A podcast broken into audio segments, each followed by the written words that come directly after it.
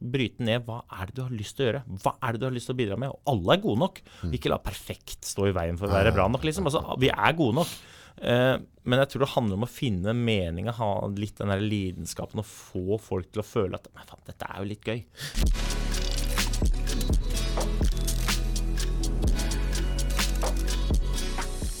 3, 2, 1. Velkommen til Nordpodden, Øystein Pettersen.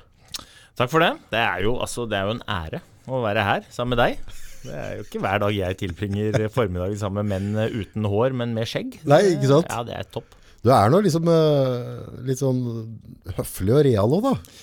Ja, altså jeg kom jo fra et uh, område i Oslo hvor folk tenker at der bor jo bare kriminelle, og det stemmer jo ikke. Så jeg prøver liksom å være en god representant for et flott uh, distrikt i Oslo, da, Groruddalen. Det Ja, Groruddalen du kom fra, ja. Ja, jeg er Groruddøl. Så dere trenger ikke å passe på verdisaker og sånne ting. for Vi stjeler ikke alt. Vi er ikke som kråkene og skjærene at vi tar alt som glitrer. Vi gjør ikke det. altså. Var det røft å vokse opp der. Var det mye som skjedde? Var det, var det litt artig og Ja, litt vil du ha den offisielle versjonen, eller vil du ha den ærlige? Den ærlige, takk. Nei, det var altså det tryggeste stedet du kan vokse opp. Altså, det er um, Jeg vokste opp i Brobyveien 28. Der er det, det er et Hvis du er veldig god til å kaste stein, så er det steinkast unna Bjerkebanen. Ja. Eh, blokker. Eh, innimellom blokkene var det gressplen, og det var min verden. Og vi var jo da Matty med unger. Så vi, vi Jeg var ute hele tiden. Det var ikke plass til å være inne, så vi var stort sett ute. Det var helt supert. Så vi, det var helt suverent. Kunne ikke vokse opp noe bedre sted. Tøft. Bodde i Brobekkvegen en gang, jeg òg. Har du det, eller? På brakke. Like ved, ved Helst der, vet du. Ja. Ja, det Bakom der så var det noen sånne tomter der det sto noen gravemaskin og sånn. Ja, ja, ja. For det var 18-19 år, tror jeg. Dere kjørte gravemaskin der. Da bodde jeg på brakkebakke der. Ja, se der, ja. Jeg bodde da nærmere Trondheimsveien ja, enn deg. litt opp, opp. Litt oppover i, i Så var vært naboer en gang i tida. Ja, det- det er helt rått. Det er helt rått. Åssen tulla det borti ski? Altså, det er ikke sånn eh, Det er ikke skilandskap, dette her. Nei, altså det er jo ikke det. Og... Men samtidig som Oslo er jo omringa av skau. Altså du, Uansett hvor du bor i Oslo, så bor du ikke langt unna skauen. Og hvis du bor midt i sentrum, så er T-baneturen opp til skauen den er kvarter. Okay. Men uh, jeg, lang historie kort, så begynte jeg på ski i 11-12-årsalderen fordi at uh, fattern var lei av å være i en ishall. Da Løren ishall. I helgene. Vi trente klokka åtte på morgenen ishockey. Så da begynte jeg heller med ski, Forfatteren syntes det var mye mer ålreit å være ute Ja. uh, og følge meg opp. Så da begynte jeg med ski, og så var det veldig gøy. Eh, og jeg er glad i å både være ute og glad i å gjøre en ærlig stykke arbeid, så da blei jeg der. og Det var mye fine folk. og Ja, far din var en sånn type som hang på og fulgte opp mye? Du, vi begynte, vi begynte på ski likt. Han hadde ikke noe, ikke noe forutsetning for å lykkes med ski, verken han eller jeg. Men øh, vi har nå gått trappa sammen, og både mutter'n og fatter'n har fulgt meg opp veldig mye. Så øh, fortsatt en dag i dag så smører fatter'n skia mine. Og vi, han har vært med fra fra vi starta i Brobekkveien og øh, opp gjennom hele reisa. Han smurte skia mine når jeg vant OL-gull, og han smurte skia mine når jeg mm, med, eller vi smurte oss vekk i knetterennet i et eller annet mm, nedsnødd plass. Og, ja. Så fortsatt så er fattern med og smører. Er han avhengig av, eh, når han skal nå opp sånn, er det, er det en stor styrke å ha familie som, som backer opp, tenker du? Jeg tenker at uansett hva man holder på med, så tror jeg man trenger trygghet. da. Jeg tror man trenger backing, jeg tror man trenger folk som heier på deg, uansett eh, hva det er. Og i så måte så svarer jeg ubetinga ja. Eh, det gjør i hvert fall veien lettere å ha folk rundt seg som heier, og som er den trygge havna hvor du kan eh, komme tilbake en uavhengig av resultat, så lenge du veit at du får den backinga du trenger for å komme deg ut igjen og prøve på nytt. Men for å få litt sånn forståelse. Tolvåring, fikk på noen ski, begynte å gå litt ski. Åssen åssen gikk den utvikla? For nå er du jo 37 du sa, var det? Ja, eller 2017, som jeg liker å si, da. Uh, nei, altså, hva skal jeg si? Det uh, Har, du- det, har du gått på ski hele ditt voksne liv? Ja. Jeg sier Hver at jeg har levd, liksom? levd uh, livet i tights. Eh, og vi, altså det er klart, Som tolvåring så hadde jeg aldri hatt noe mål sånn, som ungdom om eh, sånn definert mål om å bli best, men den snøballen bare rulla. Og så er jeg innmari glad i utvikling. Og så er jeg veldig god til å ta konsekvensen av, uh, av måla mine. Altså, jeg har alltid vært god til å analysere hva som skal til for at jeg skal nå det målet jeg setter meg. Uh, og jeg har vært god til å gjennomføre de tiltakene. Um, så den snøballen har bare rulla, og før jeg visste ordet av det, så var jeg blant de bedre i, i landet. Og så har det egentlig bare balla på seg. Og så Hvordan ser hverdagen ut for en ung skiløper? Liksom? Hvordan, altså, har du gått glipp av all dumskap og festing, og, eller har det, har, du, har du, vært den havreryngutten og H-mjølk hele veien, liksom? Nei, det er nå engang sånn at hvis du skal nå opp Uh, uansett hva det er, så, så må, du, må, du, prioritere å gjøre det som skal til. Altså mm. det Jeg sier at jeg har vært god til å analysere hva som skal til for å nå disse måla, og gjennomføre det. Så jeg har ikke vært den som har vært mest på fest. Uh, jeg har tatt meg en fest, og jeg sier det at uh, jeg gjør alt Jeg gir alltid 100 Fest, Bortsett fra når jeg gir blod, så gir jeg alltid 100% Så det betyr at hvis jeg er på fest, så er jeg på fest. Ja. Jeg har aldri tapt en fest, for å si det sånn. Men, men, jeg var nok ikke på fest oftest. Og så, kan du, og så spørsmålet er om jeg ofra mye. Og så sier jeg jeg setter meg et mål som betyr noe for meg, mm. og så gjør jeg det som skal til for at jeg skal lykkes med det målet. Og, jeg blir lei meg når jeg hører folk sier at de ofrer noe for å nå måla sine. For da tenker jeg at målet er feil. Mm. Jeg har stått opp, og det mener jeg helt alvorlig, jeg er 37 år, jeg har stått opp nesten hver dag med et smil om munnen og tenkt fy fader, nå skal jeg gå ut og så skal jeg gjøre det jeg har bestemt meg for å gjøre. For å lykkes med det jeg har bestemt meg for at jeg skal lykkes i. Mm. Og, og, det er ikke å ofre noe, altså. det er å ha moment og glede og entusiasme i hverdagen. Og, ja, og det er det jeg har lyst til å jobbe med også. Nå har jeg da eh, bestemt meg for å trappe ned eh, satsinga på ski. Jeg er en idrettsgutt, kommer alltid til å være en idrettsgutt. Og jeg kommer, jeg kommer, aldri til å si at jeg har lagt opp, for ski, ski, er en del av meg. Ja. Eh, men jeg har bestemt meg for å bruke mer tid på å lære andre det jeg er god på. Mm. Og det, det, gir meg masse glede. Men, men, det er ikke noe Jeg føler ikke at jeg ofrer skisatsinga for den, den saks skyld. Altså, det er bare et bevisst valg, og så gjør jeg noe annet. Men når du er i skilivet, uh, hvor mange timer er det sånn gjennomsnittet tenker du legger ned om dagen i, i relevant trening da? Uh, det, er, det varierer veldig. Når jeg var på landslaget, så, så så gjorde jeg som alle andre. Og det ble min bane til slutt. Altså, jeg, um, jeg gjorde det som ble forventa av meg, ikke det som var best for meg. Før jeg kom inn på landslaget, så gjorde jeg det som var best for meg. Ja. Og så etter hvert så ble jeg et produkt av omgivelsene mine, som alle andre, og så begynte jeg å gjøre det som var, uh, ble forventa av meg. Og da, da, trente vi to ganger om dagen og lå på sånn uh, Litt avhengig av uh, år og, og, og, form og farge, men da lå jeg mellom 700 og 900 timer i året. Og så datt jeg ut av landslag fordi at jeg er ikke verdens mest talentfulle guttunge. Og jeg er heller ikke verdens beste skiløper. Har aldri vært, kommer heller aldri til å bli det. Men når jeg datt ut av landslag og bestemte meg for at jeg har lyst til å bli god igjen, ordentlig god igjen, ja. så begynte jeg å gjøre det som var best for meg. Begynte jeg å analysere ok, hva er det jeg kan, hvordan kan jeg legge opp hverdagen sånn at jeg kan få størst mulig framgang i det jeg har lyst til å ha størst mulig framgang i. Mm. Uh, og da la jeg på eller fant jeg ut uh, hva som skulle til. og det var uh, I prioritert rekkefølge var det tid til familie, tid til å trene og tid til å hvile. så da begynte jeg å gå fra å trene to ganger om dagen til å trene bare én gang om dagen, da fortrinnsvis mens kone og unger var i barnehage. Og sånn at jeg kunne ha tid til å være pappa resten av kvelden. og det ga meg masse mening, og ga meg også masse energi til å kunne trene. Så da gikk jeg fra å trene mellom 700 og 900 timer i året til å trene nesten 1200 timer i året. Og da ble jeg en innmari god skiløper. så du gikk opp i treningsmengde? Gikk opp i treningsmengde. Og opp i tid med familie, og opp i trivsel, og ja. Men jeg tror det handler litt om å ikke på en måte gå rundt og være en konsekvens av hva alle andre holder på med, men tørre å se på målet, se på sine egne forutsetninger, og så finne ut hva det er jeg skal gjøre for å få dette til å bli bra. Mm. Og det gjelder uansett om, du, om, det er langrenn, eller om det er i næringslivet, eller om det er å, i familiesituasjon. Altså, hvis du skal lykkes med noe, så må du prioritere og, og, gjennomføre det som skal til for å lykkes. Mm. Ikke, ikke, gå rundt og håpe at det blir bra bare for at det, målet ditt er at det skal bli bra. For det, det, mål er ikke noe arbeidsinstruks. Mål er bare et eh, Mål er bare en list hvor du må finne ut hva du skal gjøre for å nå den lista. Mm. Det, før, da, tidligere, så, så, trente jeg en del sånn med styrke og sånne ting. Og det jeg alltid fant vanskelig, det er å, på en måte å, trene riktig mengde. Altså, det er veldig fort gjort å trene for mye for at den ikke får nok hvile, og så blir den overtrent, og så, så ligger det og stagnerer. Men når dere, når dere, trener så mye, hvordan, hvordan klarer dere å regulere dette at du ikke bikker over i den overtrentheten? For altså mengde vitaminer, mineraler, karb, protein, fett, altså alt som skal klaffe, søvn. for å tåle den mengde trening dere legger ned. Jeg fatter ikke hvordan dere har- klarer å, å utvikle dere med så mye trening. Nei, og det er jo det, er jo det som er skummelt. Uh, I toppidretten så er jo balansen mellom det optimale og det katastrofale, den er, den er, den er syltynn.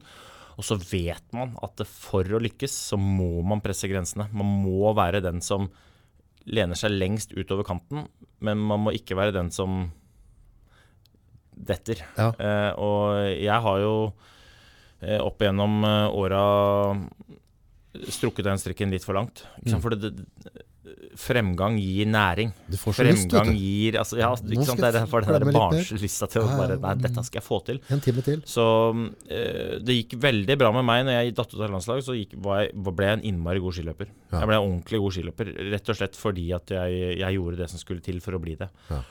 Og så ga det næring til å prøve å bli enda bedre. Og da bikka det over. Og det, eh, når du ser på det i retrospekt, så er det veldig lett å se at men her, er det, her gjør jeg mye feil. Men i nuet så sto jeg hver Mm. dag, og så gjorde jeg det jeg trodde var best hver dag. Men sakte, men sikkert så var det bitte litt for mye, så jeg liksom mista fotfestet på hva som var bra, og hva som var eh, bare normalt. Og så ble det sakte, men sikkert dårligere, og så til slutt så smalt det. Så da eh, Om det var overtrening eller om det var det ene eller det andre, det vet jeg ikke, men jeg havna på sjukehus. Var så gærent, ja. Ja, ordentlig, ordentlig dårlig. De trodde jo først at jeg hadde fått rabdomyolyse. Altså det er sånn derre øh, Kroppen binder væske. Jeg gikk opp 12 kilo oh. på to dager. Eh, de fant ikke blodtrykket mitt på Ahus. Jeg hadde 20 i snittpuls på EKG første natta. Så jeg var ordentlig dårlig. Det brukte jeg nesten et år på å komme meg. Yes. Så det Var er ikke, det kortisol og alt som bare blåste gjennom taket? Eller? altså stress og Jeg vet ikke. Jeg hadde i hvert fall lavere testosteron enn min mor. Ja? Det er et dårlig utgangspunkt.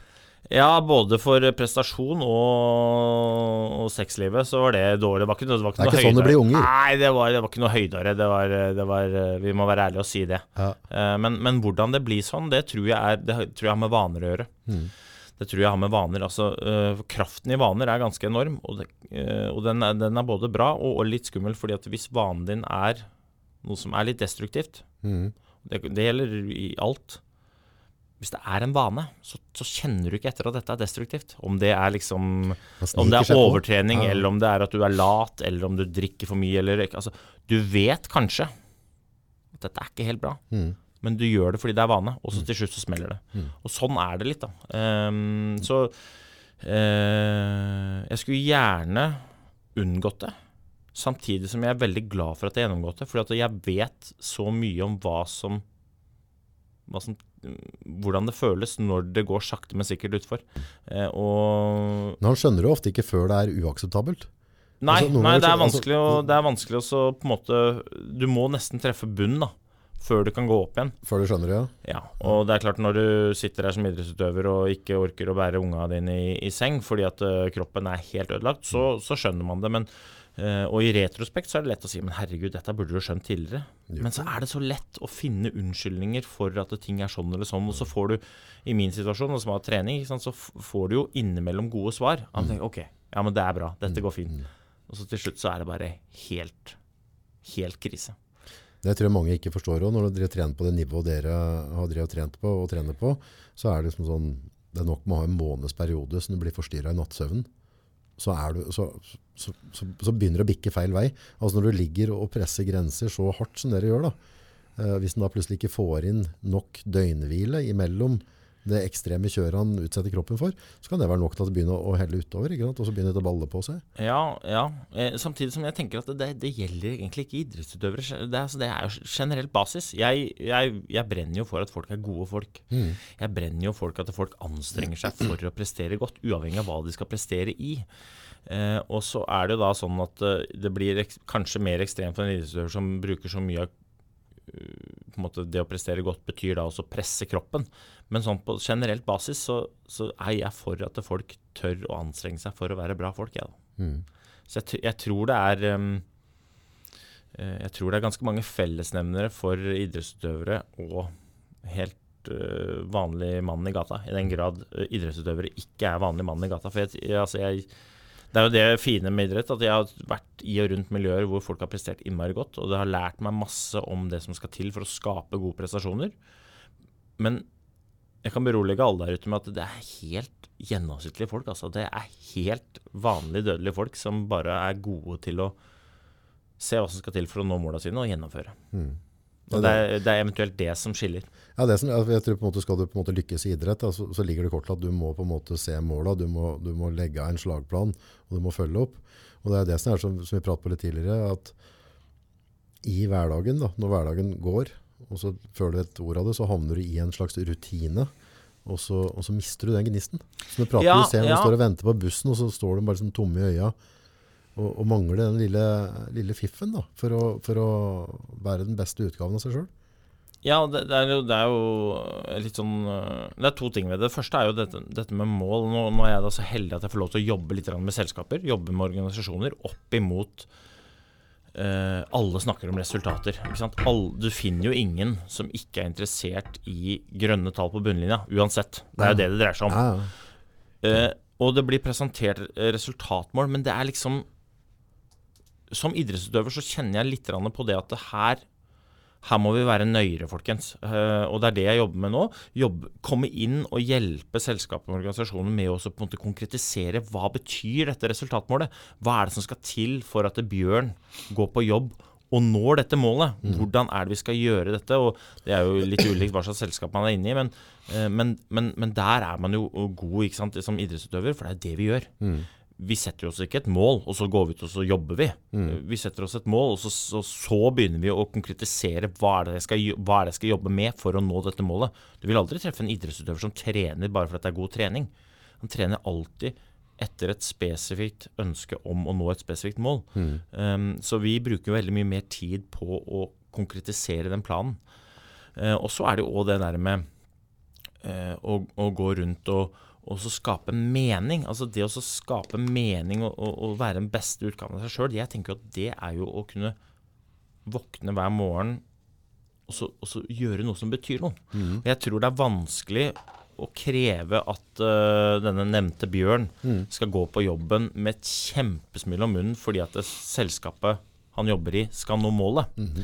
Men hvis Bjørn klarer å finne noe i hverdagen sin som han har lyst til å skinne i.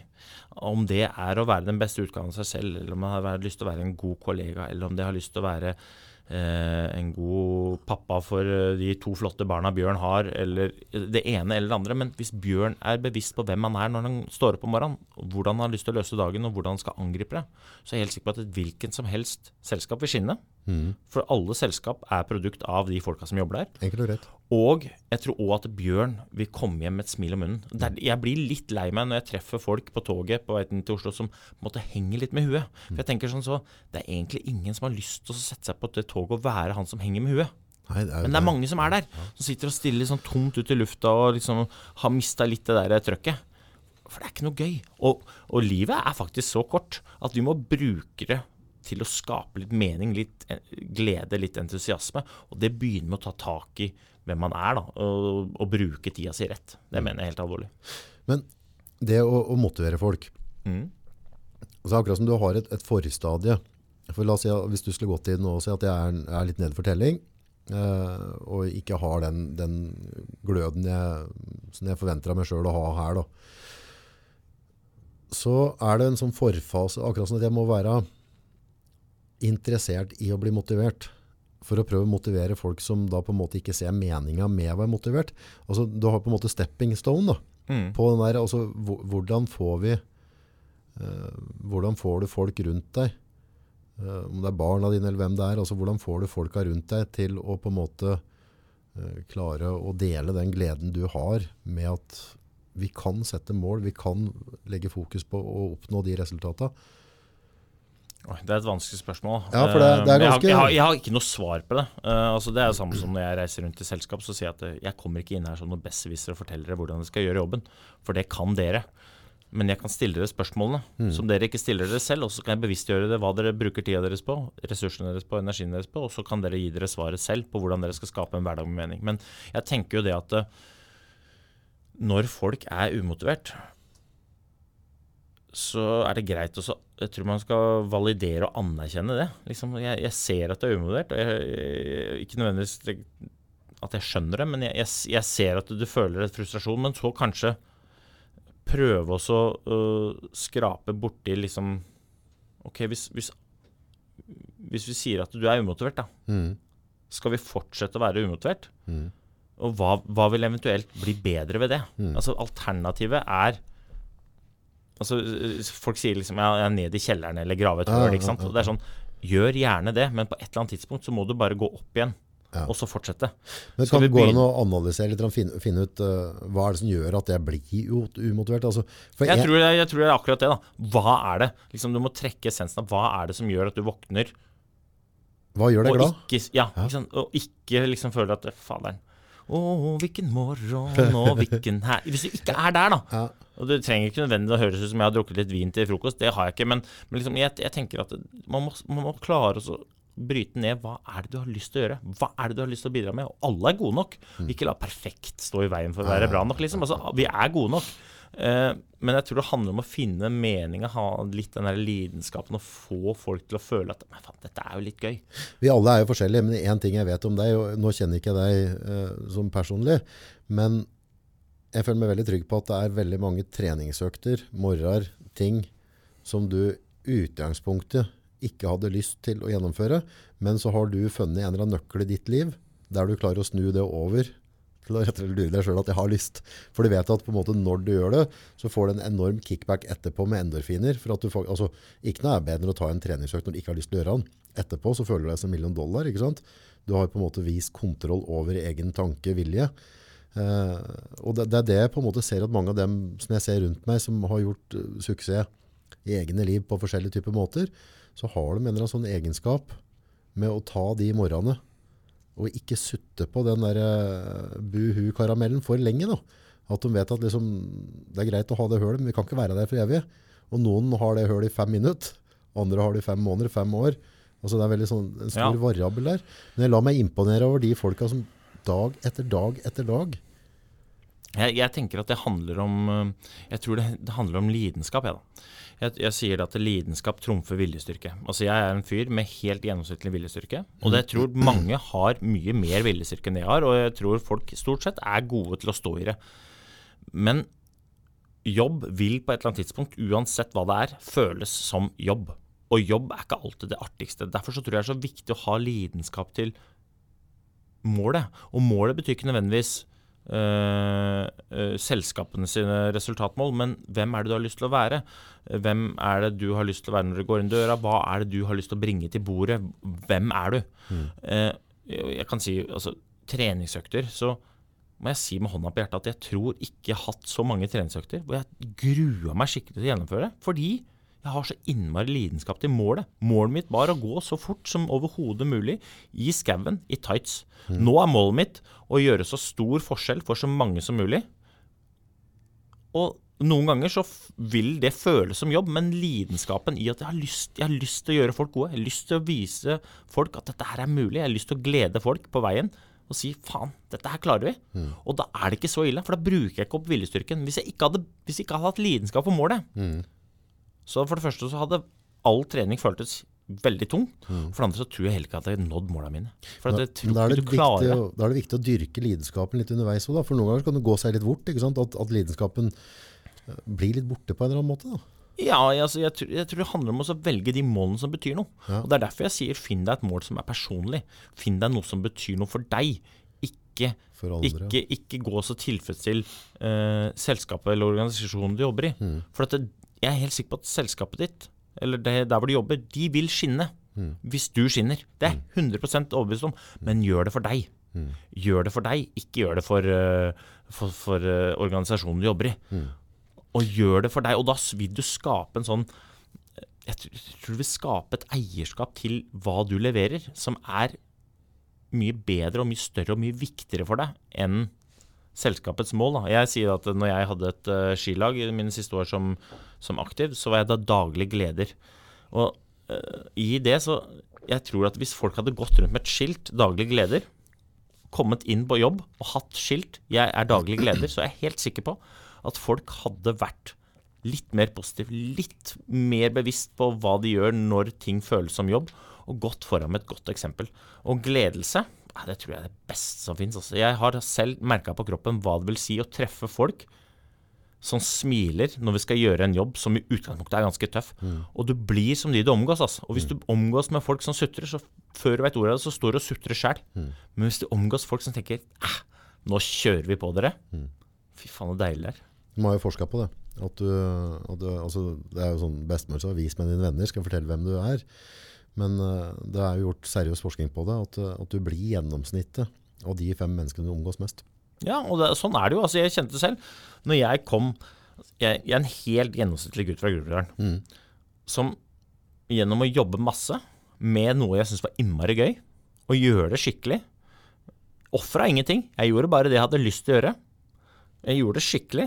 100% Så kom jeg på landslag, og idet jeg tok på meg den landslagsdrakta for første gang, så gikk jeg fra å være skiløper fra Groruddalen til å bli landslagsutøver for Norge. Altså, jeg ble 10% bedre. Gammel var du da? Hvor gammel var jeg da? Da var jeg Altså, jeg ble juniorlandslagsløper når jeg var 18. Um, nei, jeg var kanskje 25? 24? Det var ganske bøs boost det, å få det. Du, altså, jeg gikk fra å være skiløper fra Groruddalen til å fly rundt med norsk flagg i panna og gå runder på Sognefjellet sammen med Kristen Skjeldal. Skjønner du? vel? Jeg spiste havregryn og bare Jeg var der, liksom. Ja. Det var slutt på kebaben og rett på rørasaft og havregryn. Ja. Jeg var helt, helt konge. Og så sånn Det hørtes ut som Jeg har ikke ofra ett. Jeg har ikke ofra noe. Jeg har kun gjort det som skal til for å nå de ønskene jeg hadde mest lyst til å nå. Jeg har ikke ofra noe, altså. Jeg tenker, Men jeg har jobba mye. Altså, Forstå meg rett. Jeg har jobba og jobba og jobba. Jeg har jobba ræva av meg, men jeg har lagt meg hver dag med et smil og med Bra jobba, ass. Bra jobba. Når du snakker offer, offer er et litt sånn interessant ord, men tenk på det jeg har kanskje ofra mest i livet mitt, er jo de gangene jeg ikke har gjort det jeg har kapasitet til å gjøre. At jeg på en måte ofra det ut mot latskap eller dårlige valg. da. For eh, mora mi kan være skuffa av meg, folk, venner. Det er én ting, men den skuffelsen svir ikke så mye som den skuffelsen jeg har til meg sjøl. Når jeg vet at August, du, du, du vet bedre, du har bedre. Eh, men på en eller annen vei så har jeg på en måte valgt å gjøre feil valg eller gå feil retning. Og det er ikke sånn at jeg, at jeg er tilbakestående og ikke skjønner når jeg tar de valga, hva potensielle konsekvenser kan være av det. da. Det er en sånn skuffelse som jeg har fant ut liksom i voksen alder, at den, den orker jeg ikke forholde meg til mer. Så min, min drive er at eh, jeg skal være, være den beste versjonen av meg som jeg har mulighet til å være, og prøve å ha en kontinuerlig utvikling. Uh, og så er vi på tur, og vi skal forandre normen innen content marketing i Norge. Dit skal vi. Og jeg gir meg ikke før jeg får det. Nei, og jeg, jeg tror det når du sier det, for jeg, jeg tror at folk um, Jeg tror man tenker at man liksom ikke klarer det, eller, sånn, men, men det her handler jo bare om å tørre å gjøre det. Tørre å feile. Ikke Ikke la frykt for å mislykkes stå i veien for å, å lykkes. Hvorfor gjør vi det alltid? Hvor, Nei, hvorfor, jeg, hvorfor er det så menneskelig å, Nei, være tror, det for å handler, jeg, tror, jeg tror det handler om uh, forfengelighet. Jeg Ja. tror det rett og slett handler om at vi er livredd for hva du syns om meg hvis jeg gjør det skikkelig dårlig. Ja. Jeg, nå, eh, jeg gikk Vasalopp i helga. Eh, Det var 15 000 på start. Det snødde katter. Jeg visste at jeg var litt for dårlig forberedt til å kunne vinne det skirennet. Ja, ja. Og så tenkte jeg at det eneste måten jeg har mulighet til å vinne det skirennet på her, er å tørre å gå skikkelig på snørra. Ja. Så jeg bestemte meg for å gå i brudd. Og det var egentlig idioti, men jeg holdt unna 65 km. Jeg, jeg vant ikke skirennet, men dæven så rått det var. Jeg bryr meg ingenting om forfengelighet. Frykt for å mislykkes. Altså, det handler jo ikke om Og det å lykkes, det er handler ikke ikke om å ikke feile. Det handler bare om å trekke ut essensen av hva var det som gikk gærent, når det gikk gærent, og så gå videre. Men kom ikke det litt med alderen nå? At det er litt lettere å tenke sånn du tenker nå? Nå har du jo liksom litt mer mil på ræva di. Eh, både som menners, far, gubbe, kollega. Ja, kanskje. jeg, vet, jeg vet Du møter jo mye folk på veien, og du drar jo på en måte Møter masse folk på veien, men uh, jo eldre du blir, desto mer bevisst blir du kanskje på at dette får jeg ikke lov til å holde på uh, evig tid, så da blir det kanskje enda mer ærefrykt for å tørre å prøve, da. Mm. Men jeg har vært heldig å treffe masse modige folk. Mm. Eh, og jeg sier at det å hate å tape betyr ikke nødvendigvis at du er god til å vinne. Det, det å hate å tape, det er en vane. Ja. Det å være god til å vinne er en egenskap. Og det å være god til å vinne handler jo om akkurat det der. Det handler jo om å én, tørre å tape og tørre å feile. Men to, ta konsekvensen av hva som skal til for å lykkes. Altså mm. virkelig sette seg inn i hva betyr dette her. Og ikke bare sette mål. Jeg skal vinne et OL-gull, eller jeg skal nå det her salgstallet, eller jeg skal nå sånn eller sånn eller sånn. Men ok, hvis dette er målet, bryte det ned til suksesskriterier, som du igjen bryter ned til arbeidsoppgaver, som du igjen implementerer i hverdagen. Og da har du en vane. Og jeg brenner jo for at folk har gode vaner. Og så sier folk ja, men det er umulig å være god i alt. Og da sier han ja, det er jeg helt enig i. Altså jeg er veldig for at folk lærer seg noen ting om alt. Men jeg brenner for at folk lærer seg alt om noen få ting. Og da tror jeg det er jævlig mye bedre å lykkes. Altså, de beste jeg kjenner, de beste folka jeg har sett opp gjennom mine 17 år som idrettsutøver, om det er i næringsliv eller om det er i idretten, de beste, de gjør dritmye av bitte litt. Mens de aller, aller fleste, de gjør bitte litt av dritmye. Og i et prestasjonsperspektiv så er det jo ikke noe tvil om hva som lønner seg, men òg i forhold til å skape mening. Ikke gå rundt og være opptatt med å være opptatt. Altså, det er så stor forskjell på å jobbe mye og få mye gjort. Vit hva du skal jobbe med. Gjør det. Vær jævlig god på det. Og så skap moment, skap glede, skap entusiasme. Og skap liksom Faen, dette her, dette gjør jeg. Og jeg gjør det skikkelig, og jeg syns det er gøy. Og Da- Derfor er det så viktig å gjøre noe som du har mening i. Må forankre det i at dette betyr noe. Ja, for da er vi tilbake igjen på det du prater på. Altså, sørg for at du, at du driver med et eller annet du faktisk har en passion for. Ja, og det er sånn uavhengig av hva det er. Altså Jeg reiser rundt og holder foredrag, og jeg reiser rundt og jobber med selskaper. Og jeg sier det, altså dette her handler om hvem du har lyst til å være. Hvilket avtrykk er det du har lyst til å sette? Hva bidrar du med? Hva bringer du til bordet? Og jeg sier ikke at du skal være perfekt. Jeg sier at du skal være deg, for du er mer enn god nok. Og dette her veit du svaret på sjæl. Finn ut hva som er viktig, og så bare gjør det. Og det, så sier folk ja, men det er, er vanskelig å endre. tjo. Ja, det er det. Men hvis du gjør noe med mening, så er det lettere. Det er verre å gå ned i vekt hvis ikke du vil gå ned i vekt. Det er verre å endre deg hvis ikke du har lyst til å endre deg. Så er det noe med å sette det målet. For altså, la oss si hvis jeg skulle ha gått ned 10 kilo vekt, da. Eh, Så kan jeg kanskje se på det som en håpløs situasjon eller et eller annet. Men eh, vi begge vet at jeg klarer å gå ned halv kilo, det klarer jeg. Ta det ned først, da. Ja, ja, Altså, ja. ja. gjør- Gjør det du kan gjøre, da. Ikke, ikke gi opp hele 10 kilos perspektivet. Bare for at du føler at du er oppgitt. Men kan vi, 500 gram. ja, ja, Det, ja. det klarer jeg, ikke sant? Det er bare eh, ta halve sjokoladeplata istedenfor hele, da. Altså, ja, men jeg, jeg klarer ikke å slutte med sjokolade. Jeg er helt avhengig av sjokolade. Hører du sier det, men kan vi halvere dosa? Og så gjør vi det en stund, og så kan vi se hva vi gjør etterpå. Jeg prøver jo også å spille Altså, jeg også er veldig glad i sjokolade. Elsker sjokolade. Ja, ja. ser ikke Og jeg sånn sier sånn holder Nei, men det er akkurat det, ikke sant? Ja, men øh, og, og, Hvordan kan du si det? Vet du hva?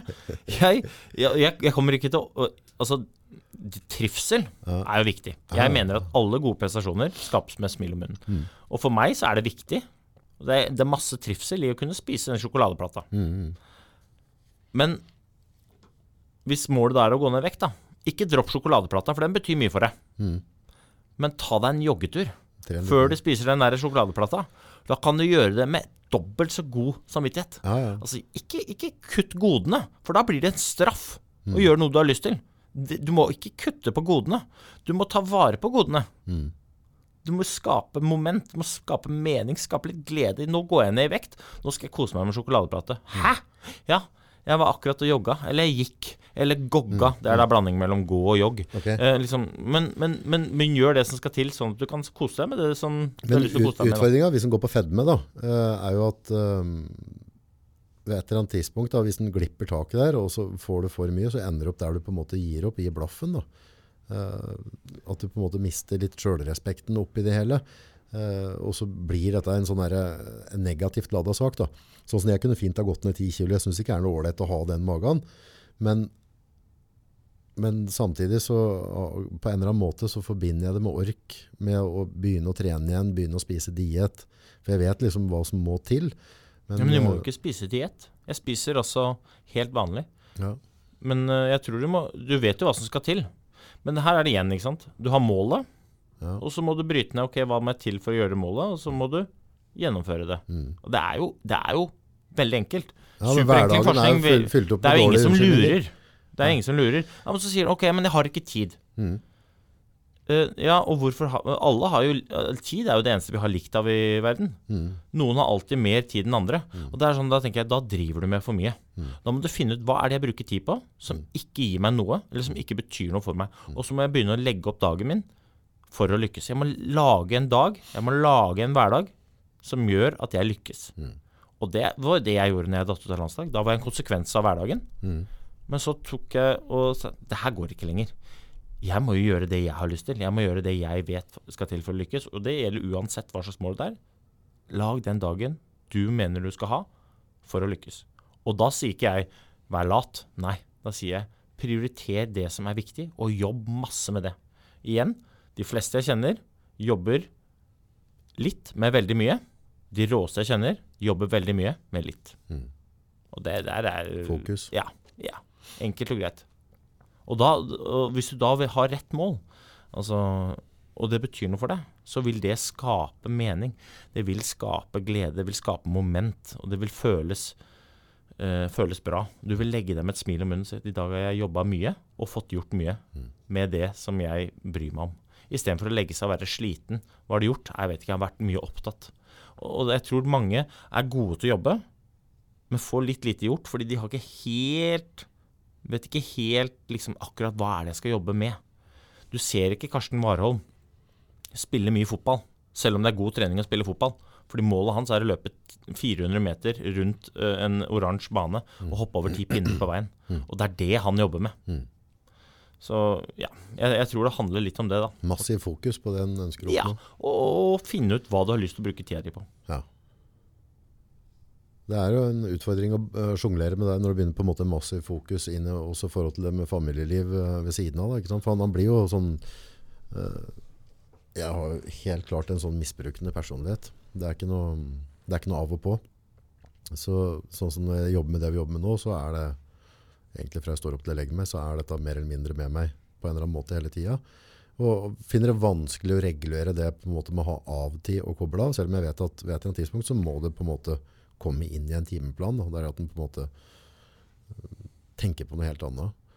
Men øh, så denne fokusgreia den er sånn der, ganske vanskelig å regulere. Ja, den er vanskelig å regulere, i hvert fall hvis du ikke helt vet hva du skal ha fokus på, tenker jeg. Mm. Hvis du da Altså, det er som du sier, man har jobb, og så har man familie. Og det er noen rammer der som du på en måte det, det, det ligger til rette. Sånn er det. Mm. Og så må du da finne ut øh, Ok, disse tingene må jeg gjøre, og disse tingene jeg har jeg lyst til å gjøre. Hvor er det jeg skal putte inn de tingene jeg har lyst til å gjøre? Og så må man da se hva er det andre tidstyvene. Og det er så mange distraksjoner der ute. Ikke sant? Om det, er, det kan være så enkelt som den telefonen. Når F.eks. hvis man er med familien, og man har lyst til å være med familien. Vær med familien, ikke vær på telefonen. Vær til stede der hvor du er. Ha fokus på det du holder på med. Og da vil du bruke mye mindre tid sammen med familien, og allikevel ha vært mer med familien enn hvis du er sammen med familien, men du er egentlig mest på telefonen. Ja. Du sitter og ser på TV, men du ser på telefonen samtidig. Du prater med folk, men du driver med noe annet. Altså, det, måte, jeg er forkjemper for å gjøre ting 100% Gjør det du gjør, og gjør det 100% Om det er på jobben Jeg tror jo hvis vi hadde vært helt ærlige med oss selv og så sett ok, hvor mange timer på jobb er det vi faktisk jobber, og hvor mange timer på jobb er det vi driver med andre ting som ikke bringer deg noe nærmere målet, men som bare fører til at det blir mer jobb fordi at du bruker lengre tid på å gjøre det du skal gjøre. fordi at du? Hvis, du, hvis du går inn sånn hele tiden, Mm. så tror jeg du kan på en måte få snevra ned de tingene du skal gjøre i løpet av en uke eller en dag, og så får du tid til å putte inn om det er trening, eller om det er kafébesøk, eller om det er det ene eller det andre, og så vil du allikevel ha tid til overs. Mm. Det som er øh, litt sånn utfordrende da, er at på en måte at Uh, i hvert fall når, hvis du er en sånn type oppstart, da, så, så, så spiser det veldig mye av døgnet ditt, egentlig, kanskje mer eller mindre alt, for da er det på en måte alltid noen avgjørelser du skal ta, hvordan skal jeg forholde meg til det, hvordan skal jeg prise dette her, og så på en måte, det, det spiser deg litt opp da. Og i en sånn fa fase så girer du deg veldig opp, og er veldig gira på det målet ditt, du skal nå det målet og kjøre på veldig. Ved et tidspunkt så kan du kanskje begynne å være litt flinkere å regulere dagen, men da opplever du en vanvittig uro hvis du ikke eh, sånn type hvis jeg våkner eh, sju på lørdagsmorgen så, så finner jeg meg sjøl i å være litt skuffa for at jeg sovet til sju, og at jeg ikke sto opp tidligere. Og så bare smeller jeg meg i frokosten, så dundrer jeg ned hit, får på kaffen, åpner mailen. For at jeg, jeg har ikke ro i kroppen til å sitte der hjemme, da, for du, du har skrudd huet ditt på en eller annen måte, sånn at du, du er så fokus på, på å få til. Det er en liten sånn fangegreie, egentlig, for du klarer egentlig aldri å gi blaffen. Nei, altså jeg kjenner meg igjen i, jeg kjenner meg igjen i lidenskapen. Jeg gjør det. Mm. Men jeg tror det er viktig å lage en plan så stole på den. Da. Jeg tror det er viktig også, Men da må man være ærlig. Når man på en måte bryter ned suksesskriteriene sine, så må man bare være ærlig og se hva er det som faktisk skal til for å lykkes. Og Noen ganger så betyr det å jobbe, men andre ganger så betyr det å hvile. Koble av, gjøre noe annet. Altså, Mm. Tørre, tørre også måte, ja, tørre også ha de derre Men sånn er det uansett om du driver med idrett, det du har drevet med, om det jeg driver med, så er det sånn, bare over den kulen der nå, jeg er nesten, jeg er nesten sånn, jeg, bare, altså bare litt mer nå, så begynner det å gå nedover, ikke sant? da begynner ting å balle på seg, så ordrer det seg, ikke sant? Ja. Du vet, hele tiden så ligger du liksom, du ligger alltid liksom ett hestehode bak, og du vet at bare fått ett frampå nå, så begynner ting å løsne seg på en eller annen måte. Problemet er at du flytter det målet underveis. Så du- du- Ja, jeg altså, skjønner hva du du sier, samtidig som jeg tror det er viktig å, å ikke være øh, det, det her er jo selvfølgelig banalt, men jeg tror det er viktig å ikke være det hestehodet bak. Jeg tror det er å være akkurat der hvor du er planlagt å være. Og du er der hvor du har planlagt å være fordi du har gjort det du har planlagt. Være mer nøye med planen. Ja, altså Oppnåelig Hvis jeg skal skal si at jeg øh, er litt overraska over næringslivet, så er det ofte at det blir presentert mål Mm. og så kanskje blir det lagt fram noen strategier eller noen tiltak, men det, jeg savner ofte at det, det blir konkretisert mer. Mm. Hva Altså hvis målene blir presentert på en fredag, når da de ansatte kommer på, på jobben på mandag, hva er det da som har endra seg? Mm. I og med at målet har endra seg, så må noe av det man gjør på jobb òg ha endra seg. For ikke så er det jo bare flaks om man når målet. Mm. Men det- det er ofte det jeg føler at der er idrettsutøvere bedre enn enn næringslivet. Det er klart, jeg, har veldig forståelse for at arbeidslivet er annerledes. Jo, jo, men det, det er det samme prinsippet. Ja, det er akkurat Det samme samme prinsippet. Det er det jeg, det jeg er det jeg jobber med nå. ikke sant? Og, og det er det jeg sier at eh, Når jeg reiser rundt, og så jobber jeg med, med selskap med akkurat dette. Med, med å på en måte ta konsekvensen av disse målene. Hva betyr det Mm. for denne bjørn? Så sier jeg at jeg kommer ikke her og forteller deg hvordan dere skal gjøre jobben deres. For det er ingen som er bedre på å gjøre jobben deres enn dere. Nei. Dette vet dere. Men jeg er god til å stille de spørsmålene som dere kan svarene på. Jeg er god Jeg jobba hele livet med å bryte ned hva jeg må gjøre for å nå målene mine. I 2002 bestemte jeg meg for at jeg skulle vinne OL-gull. Mm. Og så vant jeg et OL-gull i 2010. Så sier folk ja, men det var jo flaks. Fordi at Ola Wiggen Hatse ble syk, og så fikk jo du plassen hans på laget. Ja, det, det kan jeg si. Det er jeg helt enig i. Du. Men det var ikke flaks at jeg var der. Nei, nei. Det er mange ting rundt et resultat du ikke kan styre. Fy fader, mye du skal jobbe for å få flaks. Ja, ja men det er, sånn, det er så mange ting rundt et, eh, et resultat du ikke kan styre. Mm. Men det du kan styre, er de prestasjonene du gjør over tid. Og gode prestasjoner over tid vil alltid lede til gode resultater. Mm. Det mener jeg helt alvorlig. Og det er, og det er sånn, altså, du skal være der for å ha flaks. Altså, Ja, og- du, du får ikke flaks. Altså, flaks altså, du har jo en hånd annen sånn rakettgreier som bare detter inn vinduet, og så har du flaks. Men generelt de folka som på en måte er heldige og kommer i situasjoner som kan gjøre at man kan utvikle et eller annet, de er på ballen hele tida. I, De to, gir i, ikke to, I 2015 gikk jeg et svært turrenn eh, i Ski Classics, som da er da langløpsverdenscupen, i, i Sveits. Og så var det da en eh, svenske som leda. Eh, han leda ganske klart. Og så kom vi i en gruppe bak. Og så, en kilometer før mål, så fikk vi høre Dere kjemper om seieren, for han svensken, han gikk feil. Det var flaks. Men at jeg vant det skirennet da, det var ikke flaks. Altså, jeg Det vant det. det skirennet for at jeg hadde forberedt meg dritgodt. Og så var det en som var bedre enn meg den dagen, men han gikk dessverre feil. Det var flaks. Men at jeg var da best av de resten, Mm. det var bare fordi at jeg hadde forberedt meg Mm. Innmari godt. Og det er jo faktisk sånn at uh, resultater er konsekvenser. Konsekvenser av det du holder på med hver eneste dag over lang tid. Og jo høyere målet ditt er, desto viktigere er det at det du gjør, er bra i forhold til målet ditt. Hvis det er forskjell på det du gjør og det du burde gjøre hver dag, så vet du hvordan resultatet blir. Med mindre det kommer et kjempejordskred og tar med seg konkurrenten. Men det skjer ikke. Ikke, ikke, ikke, I hvert fall ikke, ikke gå rundt og så sats på det kortet. Har- Sats er heller på å skape en hverdag hvor du gjør det som skal til for å lykkes, og samtidig gjør det med et smil om munnen og tenker 'dette her er gøy'. Mm. For jeg har gått mange skirenn. Og prestert dritbra. Mm. Men jeg har ikke vunnet. Og det har vært helt greit, for jeg har, eh, det har vært noen som har vært bedre. Og det er sånn det er. Mm, mm. Suksess handler ikke om å være best, nødvendigvis. Suksess handler ikke om å tjene mest penger og få den feteste statusen. Det handler om å kunne stå opp hver dag med et smil om munnen og fylle livet med mening. Jeg sier det at når jeg blir gammel, skal jeg sitte i en gyngestol, gjerne med et barnebarn på fanget, og fortelle historier. Nå skal jeg sørge for at de historiene jeg forteller, er dritfete. Det er bra å, å ha litt passion, da. Ja, altså jeg, jeg mener det. Altså, det er så trist å ikke ha det. Altså, jeg har levd 37 år i livet, og jeg bare har så mye livsglede. Det er så mange ting jeg har lyst til å gjøre. Og nå, tidligere så jaga jeg resultater i en skiløype, og nå jager jeg drømmen om å gjøre en forskjell. Og Det høres jo ut som jeg har spist noe sopp som har gått ut på dato, men jeg drømmer om å kunne bidra til at folk er bedre folk. Ikke fordi at jeg bryr meg om selskapene, men fordi jeg bryr meg om at folk er bra folk. Og jeg tror innerst inne at alle sammen har lyst til å være bra folk. Bare gi folk muligheten til å skinne, og bevisstgjøre de litt på hva de bruker sin tid, sin energi og sine ressurser på. Du må jo, når du først er her, da, så må du få litt, uh, litt ros oppi det hele. da. Vet ikke om du er god på å få ros, ja. Som nordmenn flest så sier jeg vel æh, Ja. men jeg går bedre på ros enn på kjeft. Det Gjør det, ja. Ja, i utgangspunktet gjør jeg det. Eh, sånn uavhengig av at du skulle komme på- i podden her, holdt jeg på å si, så uten at det har vært nevnt på, så har du vært påprata mm, av folk jeg kjenner. Folk som driver med næring osv. Eh, på en positiv måte i forhold til den eh, egenskapen du hadde på en måte å drive teamet framover, eller de folka rundt deg i 71 grader nord. Eh, og det er litt sånn imponerende, for det er, det er folk som på en måte setter veldig høyt i kurs, da, som har på en måte lagt merke til måten du, du får med deg folk da, og jobber videre. Eh, Så, så du har jo allerede vært med og gjort en forskjell. Altså, det kan jo på en måte være med å inspirere folk som igjen har ansatt igjen, til å si at kanskje jeg kan tenke litt annerledes, kanskje kan jeg gjøre en ting på en annen måte. Og det er litt kult. Ja, det er i hvert fall veldig hyggelig å bli anerkjent på verdier som jeg setter høyt. Det er det. Um, så jeg takker jo for det. Jeg gjør det. Og uh, 71 grader nord var jo eh, en, en veldig fin opplevelse.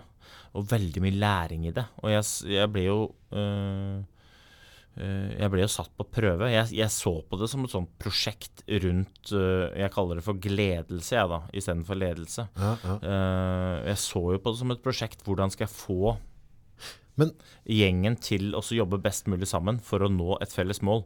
Hvordan kan vi bruke hverandre til ikke bare nå det målet, men gjøre det med et smil om munnen? Ha dette ha, viktigere enn å komme først i Nordkapp, er jo at dette blir en fin tur. Mm. For det er jo ikke noe gøy å så komme og vinne i Nordkapp hvis det har vært sutring hele veien. Da er det bedre å så hoppe av hele, hele gjengen. ja, da er det bedre å så tape et puslespill i Svolvær, men reise med til fy søren, ja, ja, jeg var Ja. dårlig til å pusle, men vi hadde det gøy. Ja. Det er jo faktisk det. Men eh, hvis du tar meg tilbake for med 71 grader nord, nå, jeg har jo ikke, har ikke fjernsyn hjemme, så jeg har ikke fått med meg det. Eller altså, jeg har ikke sett den serien nå. Men uh, opptøyene holdt jeg på selv, altså, hvordan, hvordan har dette funket? Hvordan har den, det du kan prate om der, hva, hvordan har den reisa vært, og hvordan har det utartet seg? Nei, hvordan har det utarta seg? Altså, det er jo I 71 grader nord så er det sånn at du treffer uh, Det er ti ulike folk. Ti personer med helt ulike forutsetninger for å uh, være på tur. Eh, og jeg er helt også sikker på at de ti personene så på oppgaven fra helt ulikt standpunkt. Altså det er på en måte Vi er så forskjellige. Var det ekstreme forskjeller du så? Eller er det noen personer som på en måte Var det noe du Ja, altså Hvis du sier jeg, da, som uh, har levd hele livet i tights, og så har du da onkel P på andre siden, som uh, har levd hele livet i saggebukser Ja. uh, og med, med sneipen i, i munnen. Ikke sant? Så vi, det er jo veldig mange ulike mennesker, men det som vi hadde som felles, det var jo målet. Ja. Altså, vi blir putta sammen, og så skal vi løse en oppgave felles. Og målet er jo felles. Og så handler det da om å få den gruppa til å gjennomføre dette målet best mulig. Men jeg tenkte at jeg skulle gjøre det, eller prøve å få til at vi skulle gjøre det med best mulig humør i tillegg. Jeg tror at folk på generelt basis går bedre på skryt enn på kjeft. Mm. Eh, og få til at dette blir gøy. Og få, prøve å få fram mestring og, og, og bevisstgjøre folk hvem de er i gruppa, sånn at vi sammen gjør dette her til en best mulig tur. Og Lang er en sånn reise fra start til stopp, liksom? Er, altså det, er mye kortere enn folk tror. Okay. Mye kortere. Det her handler egentlig bare om å bevisstgjøre folk. eh, Er det, er det en måneds reise, eller er det uker? ja, nå, altså, altså 71 grader nord varer totalt for de som går til finalen, så varer den fem uker. fem uker. Du blir ganske Eh, godt kjent med folk da. Ja, og hvis du tar vekk distraksjonene, da. Hvis du tar vekk klokka, Ja. så tar du vekk mobilen. Du hadde ikke det i det hele tatt? Nei, så vi hadde kart Oi, og kompass istedenfor klokke og mobil. og så flott. hadde vi ull. Ulltøy, og så hadde vi sjokolade, og så hadde vi en, en, et mål vi skulle gjennomføre, eller løse, og så var det bare å dundre av gårde. Og det var helt fantastisk. Jeg Og så var det første dager uten telefon og klokka? Det var helt nydelig. Vet du? Du vet slo over med en gang? Jeg skal si deg hva som skjer hvis du tar vekk eh, Nå har jo ikke du på deg klokke, ser jeg, men hvis du, hvis du hadde tatt vekk mobilen, og så hadde du truffet en haug med folk, så hadde du begynt å snakke med dem. Da hadde du slutta å trykke på tomler opp og hjerter ved siden av bilder, og så hadde du begynt å prate med de folka som du er sammen med, og da blir du innmari godt kjent. Det var helt fantastisk. Det er litt eh, ironisk, for det eldstedattera mi, når vi er på ferie, så første, første dagene på ferien, så er du litt påskrudd og er litt på mail og sånne ting. Og så sklir du litt ut i ferien, så gir du litt mer blaffen. Ikke? Du legger av telefonen på hotellrommet når du går ut eller et eller annet. Og, liksom, og hun sa hun grua seg til ferien var over, da. For hun syntes det var gøy å henge på en helt annen måte, liksom. For da du jeg egentlig ikke å ta med deg noen telefoner ut. Du skal ut og spise. Eller. Nei, det er jo igjen da, det er jo de der distraksjonene, og jeg tror det er mange av de. Eh, og den, de, distraksjonene, én ting er at det går utover kvaliteten på det du holder på med, uansett hva du holder på med, men en annen ting er at det tar så mye tid. Folk som sier de har dårlig tid, det stemmer helt sikkert, men det tror jeg er konsekvens av at de bruker for mye tid på ting som ikke betyr noe.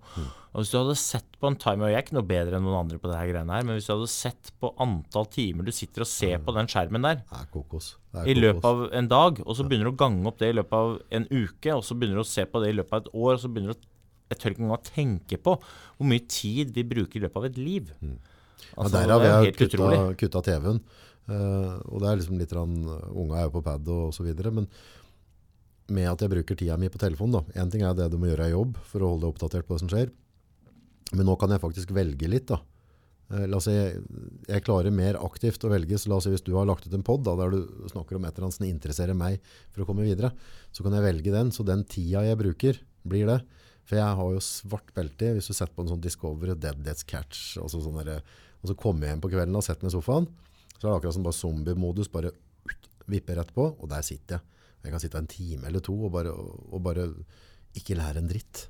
Altså, det er ingenting som er relevant for dagen min i morgen. Eller, Nei, altså, og det er akkurat det. det er, og det er bare en vane. Ja, men da kan jeg velge på telefonen. Ja, men, det, men det, er jo, det er jo det som Sånn er det med alt. Ikke sant? Det her handler jo om å bryte ned hva er det vi bruker tida vår på. Altså, Mm.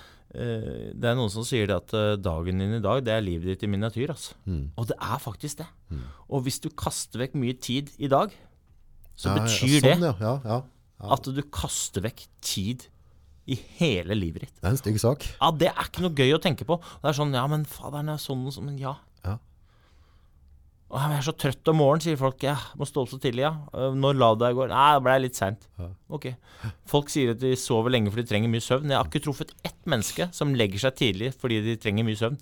Alle som trenger mye søvn, trenger det fra klokka morgenen, ja. seks om morgenen og utover. Ja, ja, ja. Det er ingen som sier klokka åtte du, nå må jeg gå og legge meg for jeg trenger mye søvn. Det er det ingen som sier. Jeg begynte vel for sånt en sånn mental greie med meg sjøl på at jeg er ganske, det skal veldig mye til at ikke jeg er i seng klokka ni på kvelden. Da. Eh, fordi jeg mener at det mm, prinsipielt så sier det noe om hvor mye dagen i morgen har vært for meg. Hvis jeg da sitter og, og koper til 10-11, så allerede da jeg det august, morgendagen for deg er ikke verdt dritt. Så Nei, du, kan, du, kan, du kan komme på, på halv tolv i morgen. Så da er jeg i seng ni, og så smeller jeg på et eller annet, en podcast eller YouTube, et eller annet som kan være noe jeg kan lære av. Og så slumrer jeg kanskje 20 minutter før jeg bikker da. Jeg støtter det. Så men da, da er det liksom når jeg står opp dagen etterpå, så har jeg allerede før jeg la meg, så bestemt for at morgendagen kan jeg gjøre en forskjell. Morgendagen kan komme ett skritt nærmere målet mitt. Så, og jeg tok det valget. At jeg, at jeg liksom ikke Ja, jeg, men igjen så handler det om å være konsekvens av omgivelsene. For hva skjer? Alle som er foreldre, de vet hva som skjer hvis ungene er trøtte. Da sovner de. Altså da Hvis du setter en bil og, og, og slumrer og går, og du har en unge inni den bilen som er trøtt, så sovner den. Men vi voksne, hvis vi er trøtte, så kikker vi på klokka, og hvis den da ikke viser akseptabel leggetid, så tar vi oss en kopp kaffe. Du blir ikke noe mindre trøtt. Du bare underdøyver signalene som kroppen Kroppen din sier 'August, du må gå og legge deg, for du er kjempetrøtt'. Mens du, i frykt for hva omgivelsene dine sier Hvis du sier Du vet hva, jeg er så trøtt at jeg går faktisk og legger meg nå, så den klokka er, klokka er bare halv åtte, men nå er jeg kjempesliten, så nå trenger jeg å sove. Ja. Og så ses vi i morgen klokka fem, for da har jeg faktisk sovet fra halv åtte til klokka fem, og da er det helt fint å stå opp. Ja. Det gjør du ikke. Det er sånn, Jeg lærer så mye av ungene mine i forhold til det å bare lytte til hva kroppen sier, og være autentisk. Være i nuet, og bare dundre av gårde. Og det Hun minste mye, og dere trykker på iPad på kvelden da, når hun skal sove. Men uh, hun ligger i senga vår og slasker seg. Men uh, da er det sånn at når hun er trøtt da, så bare usk, kommer de rett bort. Det er ikke noe sånn, Du må ikke krangle med hun for å slå av den. Altså, når, når hun kjenner seg trøtt, så bare smokk, få denne unna. Så går det to minutter, så ligger hun der og drar. Ja, det, altså, jeg blir så overraska når folk sier fy søren. Ah, tenk, se på ungene, de er så aktive. Og så glemmer de at eh, ja, de sover jo. De er lada De jobber mange timer mer enn oss, og vi har alle sammen vært unge. Det er bare, Dette er bare noe vi lærer oss, at vi ikke skal være så aktive. Nå har jeg på en måte vridd det over sånn at jeg får sånn der eh, Jeg får panikk hvis jeg ser klokka passere ni da. Hvis jeg er nede på jobben her, så ser jeg klokka ni, og så vet jeg pokker jeg skulle vært i seng liksom. Nå, nå skulle jeg spist middag, nå skulle jeg lagt meg, og så bare, nå, nå det ødelegger hele morgendagen. Så blir jeg sant? Jeg må komme meg hjem igjen og få lagt meg. Er en, med ei, ei meget uh, uh, inspirerende og energisk dame som heter Stine Hartmann. Hun har uh, bruker et uttrykk som jeg syns er ganske fint, og det er leggetid. Leggetid. Ja.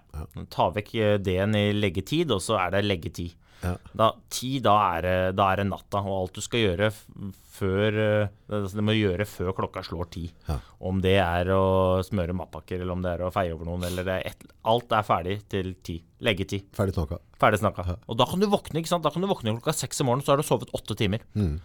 Og det er ganske bra. Jeg blir, jeg blir lei meg når folk sier jeg trenger lite søvn, og sånn, for at jeg tenker alle trenger mye søvn, men du har bare lært deg å overleve på lite. Mm.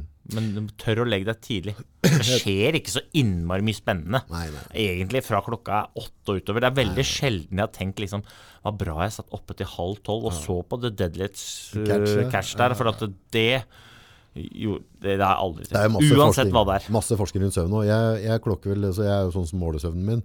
Uh, litt opptatt av forhold til hva jeg får dyp og sånne ting. Og så forhold til når jeg legger meg, når jeg står opp. For jeg merker en forskjell på, en måte på når på døgnet jeg legger meg. Og så, det er ikke det samme for meg å legge meg tolv og stå opp klokka sju, som å type legge meg ni og stå klokka fem eksempelvis. Da. Jeg har mer energi hvis jeg gjør det. Men, eh, men de sier jo det at gjennomsnittmennesket ligger mellom sju og åtte timer. Jeg klokker inn på sju, da er jeg fin. På åtte så begynner jeg å føle meg fyllesyk. Og ni så er jeg ferdig. Da, da går jeg baklegga, og da har jeg sovet for mye. så jeg finner liksom en sånn sweet spot. da. Ja, man må finne sin greie. Ja, og det er det som er fint. er det- da. Vi er ulike. Ja, så De sier jo det at du blir rett og slett dummere hvis du sover fire-fem timer Det er der vet du, det er der det puslespillgreiene mine Ja. kommer inn fra 17 grader. For jeg holdt Sov for lite. så Jeg sov for mye. Så for Så jeg ble dum. Ja. Jeg ble altfor dum. Jeg hadde kan Og du blir det hvis du sover for lite og for mye. Ja, så Så- jeg har sovet for mye. Jeg har nok Ja. sovet for mye. Jeg er glad i å sove. Ja, nei, nei, Over åtte timer så kjenner jeg det da. er det ordentlig backlash. Så, Begynner å sove litt mindre. Da skal jeg begynne å løse puslespill som en helt. Og så er det forhold til det med å ta avgjørelser, for du, du går jo ned i dyp søvn. ikke sant? Du har lett, og så går du ned dyp. Ligger den der klokken i den, og så går du opp igjen, så går du ned i REM-søvnen, rapid eye movement. Eh, og da begynner hjernen å sortere ut og putte ting til lagring. Men hvis ikke du får til den eh, REM-søvnen og den dype søvnen der, så, så får du det du kaller delerium. Da. Altså, du, du begynner å få forfølgelsevansker, du kan tro folk, altså, du, du begynner å skape historier, for hjernen vil alltid ta det igjen. Så hvis du nå klokker inn på to-tre timer med søvn hver natt over lengre tid, så vil du begynne å gjøre dumme avgjørelser etter hvert. For da tror du at ah, jeg har Nøgesen en skjult agenda bak dette her. Altså, da begynner fantasien å spille et puss med deg når du er våken.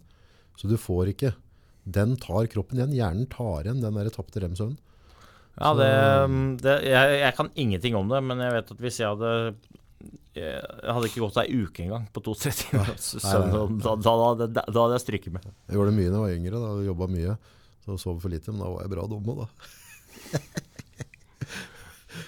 men møtte du, har du fått, Fikk du noen venner på, på, på turen? Altså, det, du bor jo veldig veldig tett med mennesker og blir kjent med det på en, på en helt sånn uvant Du har ikke telefon, du har ikke klokke. Altså, Det er back to basic. da. Vi ble veldig godt kjent. Vi Ja. ble veldig godt kjent, og jeg, jeg, Nå var det sånn at vi var to lag, så jeg ble jo best kjent med de folka jeg var på lag med, uh, selvfølgelig. Uh, og jeg ble spesielt tett med um, Onkel P Mm. uh, og Mia Hundvin og, og Atle Pettersen. Mm. Og fikk mest eh, følelse for, i den grad man kan si at man får følelse for noen på, på kort tid, for onkel. Uh, fordi jeg syns det var så gøy å, å få lov til å ta del i reisa hans. Altså, han vokste fem centimeter på den turen. Han ble uh, Han kjente på mestring, han kjente på glede, og han Uh, ja, han ble anerkjent for den han var. Da. Onkel er en innmari fin gutt som uh, har masse gode egenskaper. Uh, og i mitt stille sinn så har jeg tenkt at onk, onkel har noe som kan jeg, jeg, tror mange kan kjenne seg igjen i at han altså han en, er en gutt som har så mye gode egenskaper, men som aldri har tillatt seg selv å anerkjenne dem. Altså, jeg tror han har kjent litt lite mestring, fordi at han har tenkt at det perfekt ofte står i veien for bra nok. Eh, så det var veldig gøy å være sammen med onkel. Altså. Jeg ble ordentlig glad i ham, og jeg ble ordentlig lei meg når han, eh, når han dro hjem. Jeg sto midt oppe i Crosby oppe i Jotunheimen og grein når han dro hjem. Og jeg har alltid sett på folk som griner på reality-TV når folk drar hjem og tenkte men herregud, skjerp deg.